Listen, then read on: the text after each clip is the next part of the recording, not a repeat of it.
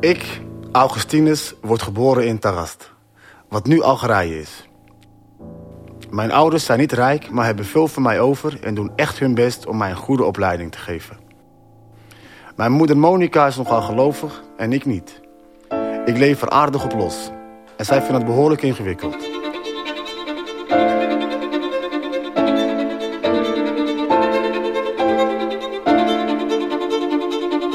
In 372 word ik vader van een zoontje van mijn vriendin, die net als ik een jaar of 17 is. Ik ga filosofie studeren in Rome. Ik werk aan de vraag waar het kwaad vandaan komt en vind antwoorden in het Manichaïsme en later het Neoplatonisme. Ik doe dat kennelijk goed en word in 384 benoemd tot staatsrector aan het Keizerlijk Hof in Milaan.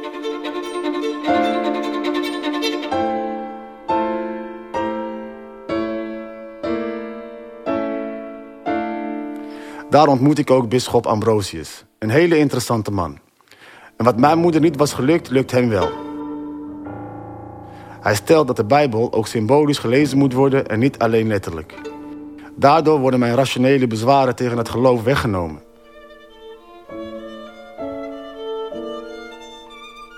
Maar het geloof raakt mij pas echt als ik worstel met de implicaties ervan en ik buiten een kind hoor zingen. Tolle legge zingt het kind steeds. Neem en lees. Ik sta uiteindelijk op om mijn Bijbel te pakken en sla deze open in Romeinen. Daar staat...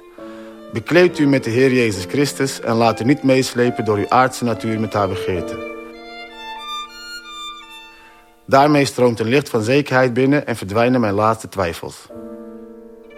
Met een paar vrienden keer ik terug naar mijn geboortegrond en sticht daar een klooster. Ik trek me terug en heb jarenlang de Bijbel bestudeerd. In 391 word ik tot priester gewijd en ik word zelfs bisschop van Hippo. Maar ik blijf mijn eenvoudige kloosterleven volhouden... en nog steeds leven veel kloosterorders volgens regels die ik toen geschreven heb.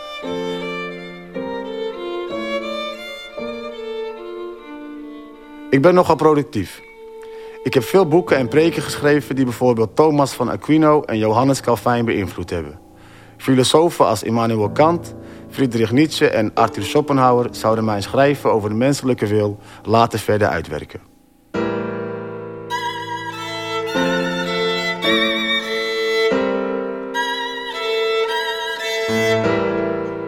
Ik teken je daarom met een boek onder de arm. En ook omdat je de metafoor het boek der natuur gebruikt.